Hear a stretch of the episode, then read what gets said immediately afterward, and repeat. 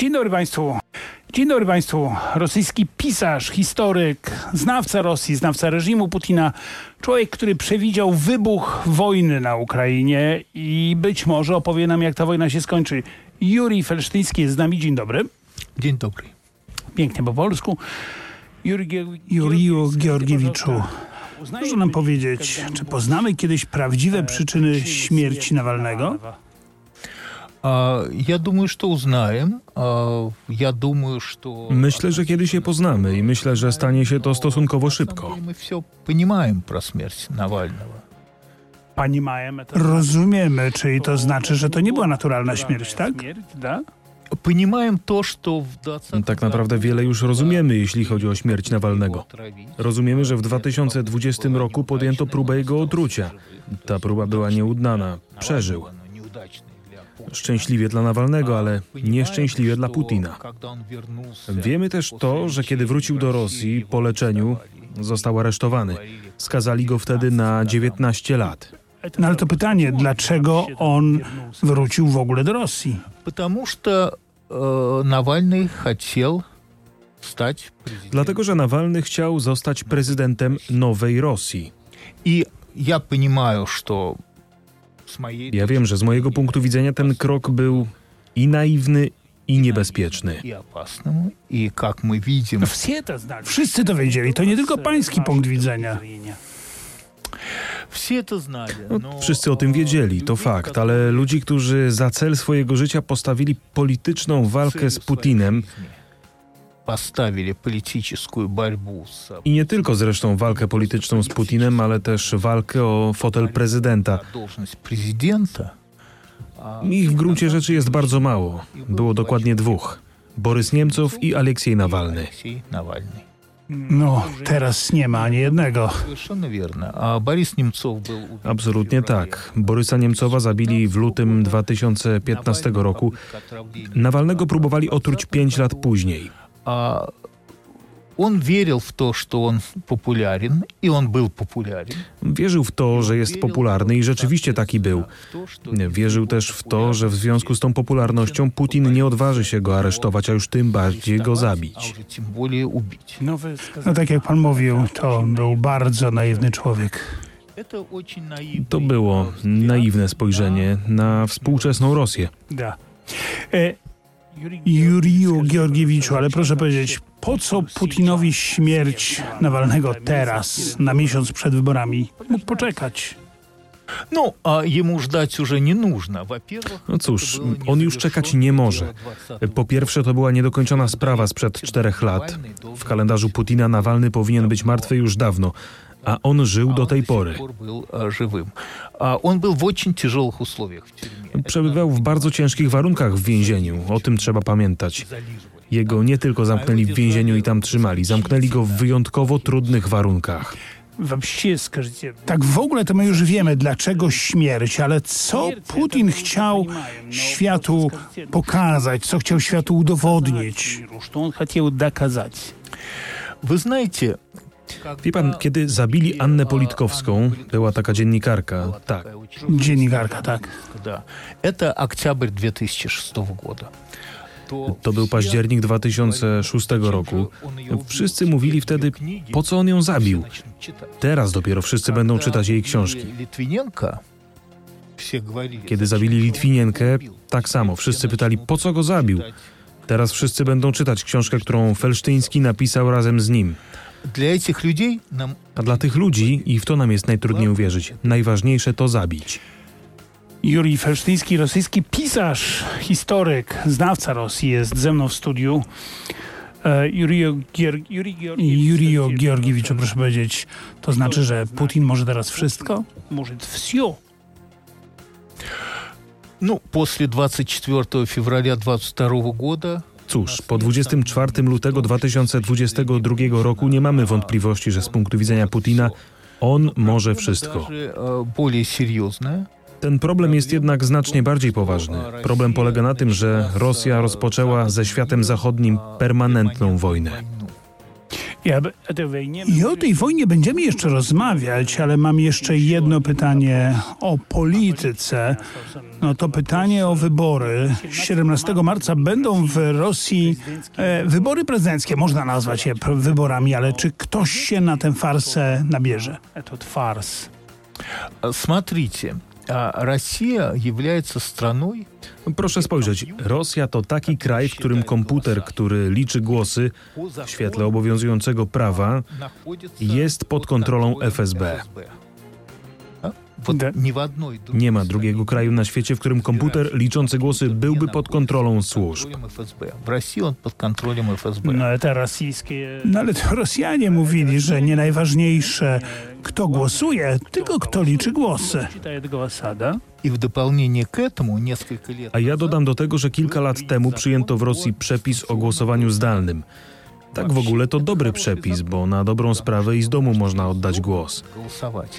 No, w rosyjskiej... Ale w, w rosyjskiej rzeczywistości prowadzi on jednak do tego, że głosy ludzi, którzy nie poszli do urn, można przypisać do danego kandydata. A w Rosji w ogóle istnieje jakakolwiek opozycja? Nie. Nie. Nie ma jej. Są formalni kontrkandydaci, ale to spektakl. No, po prostu przepisy nakazują, żeby kandydatów było więcej niż jeden. No to tak jak w boksie. Nawet jeśli ma się odbyć ustawiona walka, tak czy inaczej na ringu musi być dwoje ludzi. Mhm, a Boris Nadjeżdyn Borysowi Nadjeżdinowi nie pozwolono na start w wyborach. To prawdziwy kandydat opozycji?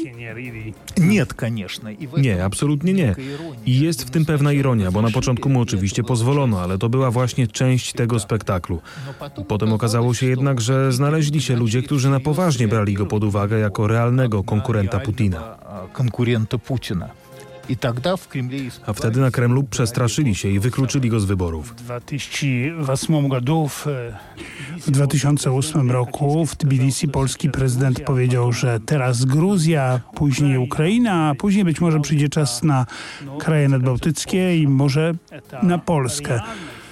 Czy to jest e, realne zagrożenie, czy też no, nie powinniśmy się martwić? nie должны бояться?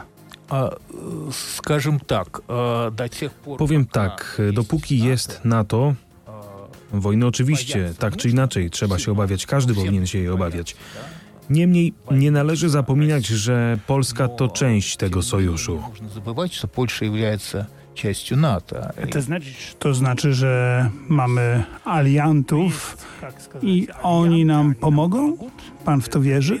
Нет, они, безусловно, помогут, помогут. И даже если э, предположить, что в ноябре... Bez wątpienia pomogą i nawet jeśli założymy, że w listopadzie wybory w Stanach wygra Trump i nawet jeśli założymy, że wyprowadzi Amerykę z NATO, а все равно останется Европа. И я tak czy inaczej zostanie jeszcze Europa. Ja w odróżnieniu od Putina nie uważam, że Europa kapituluje. Uważam dokładnie odwrotnie. что Европа не капитулирует. I Juri Felsztyński jest naszym gościem. Mówię jest, chociaż ta część rozmowy dobiegła właśnie końca. Zapraszam serdecznie do RMF24, do naszych mediów społecznościowych. Tam porozmawiamy o wojnie, o wojnie, którą Juri Felsztyński przewidział. Może powie nam, kiedy się zakończy. No ładna, tak jak... No dobrze, tak jak już mówiłem, to pan przewidział atak Putina na Ukrainę. Pan pierwszy o tym mówił, pierwszy pisał.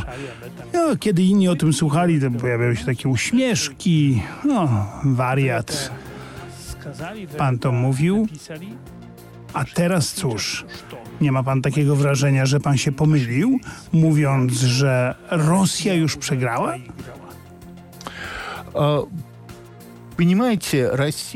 Rosja już przegrała w momencie, kiedy Ukraina nie skapitulowała. To było to, na co miał nadzieję Putin 24 lutego 2022 roku. Plan tej wojny był zupełnie inny. Zakładał, że Ukraina kapituluje, a Zachód nie będzie się w tę wojnę mieszał. A Zachód nie będzie wmieszał się w tę wojnę a nie udało się osiągnąć ani jednego, ani drugiego. Ukraina nie skapitulowała, a Zachód jej pomaga. Pomaga Ukrainie. No, pan już to mówił w tym studiu, że Rosja już przegrała, ale to nie znaczy, że Ukraina tę wojnę wygrała. Wygrała. I równo w takiej, I w takiej samej sytuacji jesteśmy teraz. Rosja nie może wygrać w Ukrainie. Rosja może zniszczyć całą Ukrainę, jeśli ta wojna będzie trwać nie dwa, ale dziesięć lat. A wtedy skutkiem będzie właśnie całkowite zniszczenie Ukrainy. Ale to wcale nie znaczy, że Rosja zwycięży. Из этого не следует, что Россия в этой войне победит. No, to znaczy, że No to znaczy, że właśnie znajdujemy się w tym momencie. to, co widzimy, to taka martwa wojna. Rosjanie e, szczęśliwi, że jak mówią, wyzwolili Awdijewkę, no ale to małe miasteczko gdzieś pod, e, pod Donieckiem. Doniecka. Dokładnie tak. Tam oprócz tego nic się takiego nie wydarzyło, nic się nie stało. A poza tym to trwało 9 miesięcy. O to właśnie chodzi, że wojna przejęła formę wojny pozycyjnej. Wiemy z historii I wojny światowej, że to trudna sprawa, bo w wojnie pozycyjnej żadna ze stron nie może się posunąć. Na nieszczęście dla Ukraińców. никуда продвинуться. Это то, что происходит в Украине. К сожалению, Na nieszczęście dla Ukraińców, bo tracą życie. Mm, to znaczy, że inne państwa, takie jak Mołdawia, państwa nadbałtyckie, Polska, mają czas, żeby się wzmocnić? Absolutnie tak. I co więcej, tego czasu nie ma zbyt wiele. Zwłaszcza jeśli wybory w Ameryce wygra Trump, dlatego że wtedy pozostanie może rok. Hmm, pan myśli, że Trump to nie szansa, tylko zagrożenie dla bezpieczeństwa Polski? E, e, e, Trump dla. Trump to bez wątpienia zagrożenie dla bezpieczeństwa, ponieważ on otwarcie mówi i ogłasza, że wyprowadzi Amerykę z zaangażowania w europejskie problemy. Z w europejskie problemy. А я Jako как historyk wiem, że gwarancją pokoju w Europie może być мир в Европе tylko zaangażowanie Ameryki w sprawy Europy. вовлеченностью Америки в европейские. No ale może on tylko tak mówi. Wie pan, to Trump. Jemu wolno, on mówi wszystko. Я, к сожалению, думаю, что это входит в его план. Niestety myślę, że to jest wkalkulowane w jego plany. Nie wiem na ile ostatecznie będą realizowane, ale to, że ma to w planach, nie jest tajemnicą. Trump mówi o tym od 2016 roku.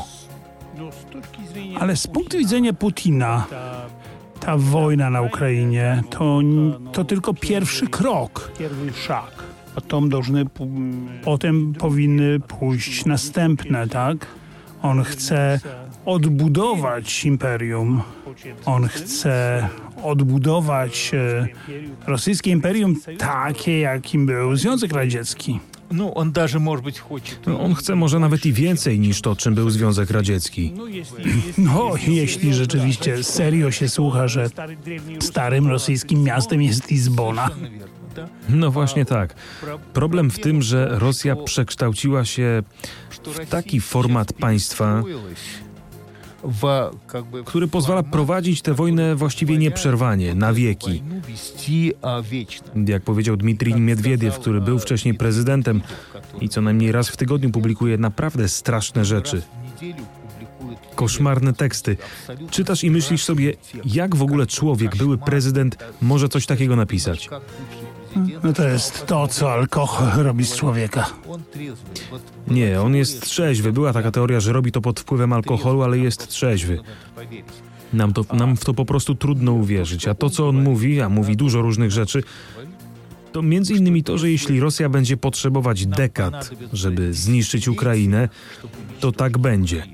My będziemy wojować dziesięciolecia. Вот это подход... Ta walka będzie trwała całe dziesięciolecia. To jest właśnie podejście Rosji do rozwiązania problemów świata, a w tym wypadku też do sprawy Ukrainy. Юрий Георгиевич, скажите, Juri Georgiewiczu, jeśli miałby pan odpowiedzieć na takie pytanie, to proszę nam powiedzieć, kiedy i jak skończy się ta wojna? ответить на такой вопрос. Знаете... Wie pan, mówiłem o tym już od 25 lutego 2022 roku. Tę wojnę można było zakończyć w ciągu dwóch tygodni. Ale NATO powinno wtedy otwarcie zaangażować się w tę wojnę.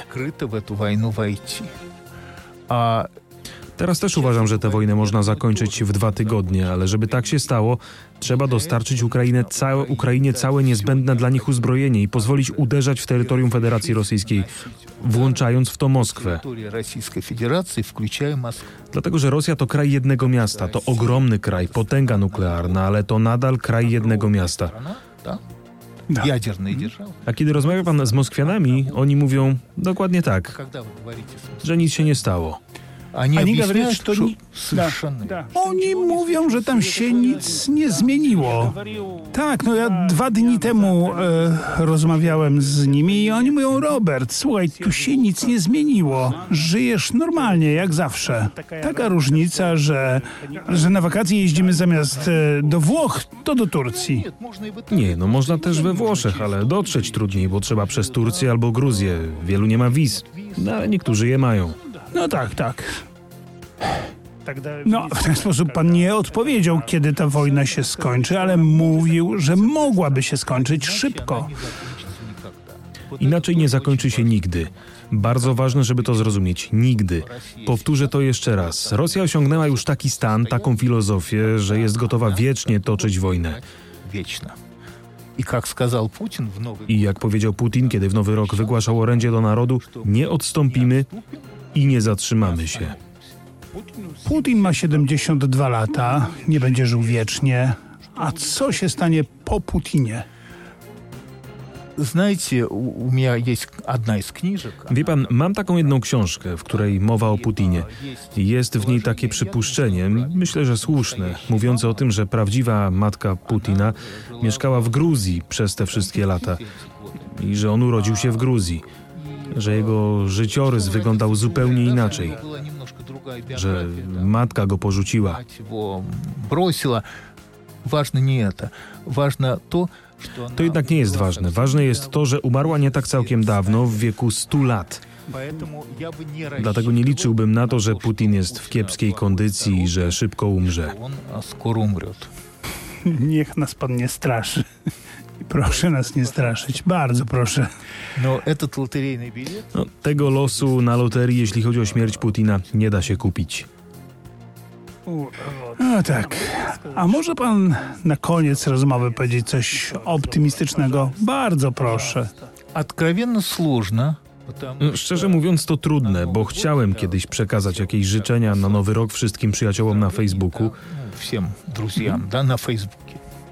И в 20 i 31 grudnia 2021 roku życzyłem, żeby nie było wojny. не было войны. Война началась Wojna zaczęła się niecałe dwa miesiące później. 31 декабря 22 года. Rok później życzyłem, żebyśmy pokonali reżim Putina. Do tego, jak wiemy, nie doszło. Путина. Победа, как мы знаем, не состоялась. A 31 grudnia minionego roku zrozumiałem, że tego zwycięstwa nie będzie. A i i w gruncie rzeczy sam już nie wiem, czego mam życzyć, bo jeszcze jeden niepokojący fakt. А, и- Потому что есть еще и фактор вот ядерной угрозы, Chodzi mi o fakt w postaci zagrożenia bronią atomową, które z każdym rokiem, jak mi się wydaje, staje się coraz bardziej realne. более реальным. No, bardzo optymistyczna to wersja, bardzo optymistyczna. Поэтому, к сожалению, с No, оптимистичным... dlatego z optymistycznym spojrzeniem nie jest u mnie teraz najlepiej. Uważam, że do zwycięstwa w tej wojnie i szybkiego jej zakończenia konieczne jest przekazanie broni Ukrainie.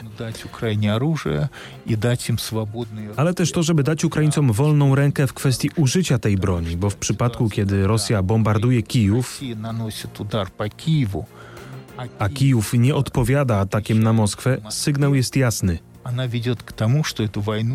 Ani zakończyć, ani wygrać tej wojny nie wolno.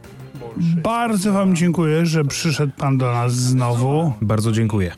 Ma pan stałe zaproszenie do Radia RMF. Radio RMF. Państwu bardzo serdecznie dziękuję, kłaniam się nisko i zapraszam jutro. Jutro nie będzie o wojnie.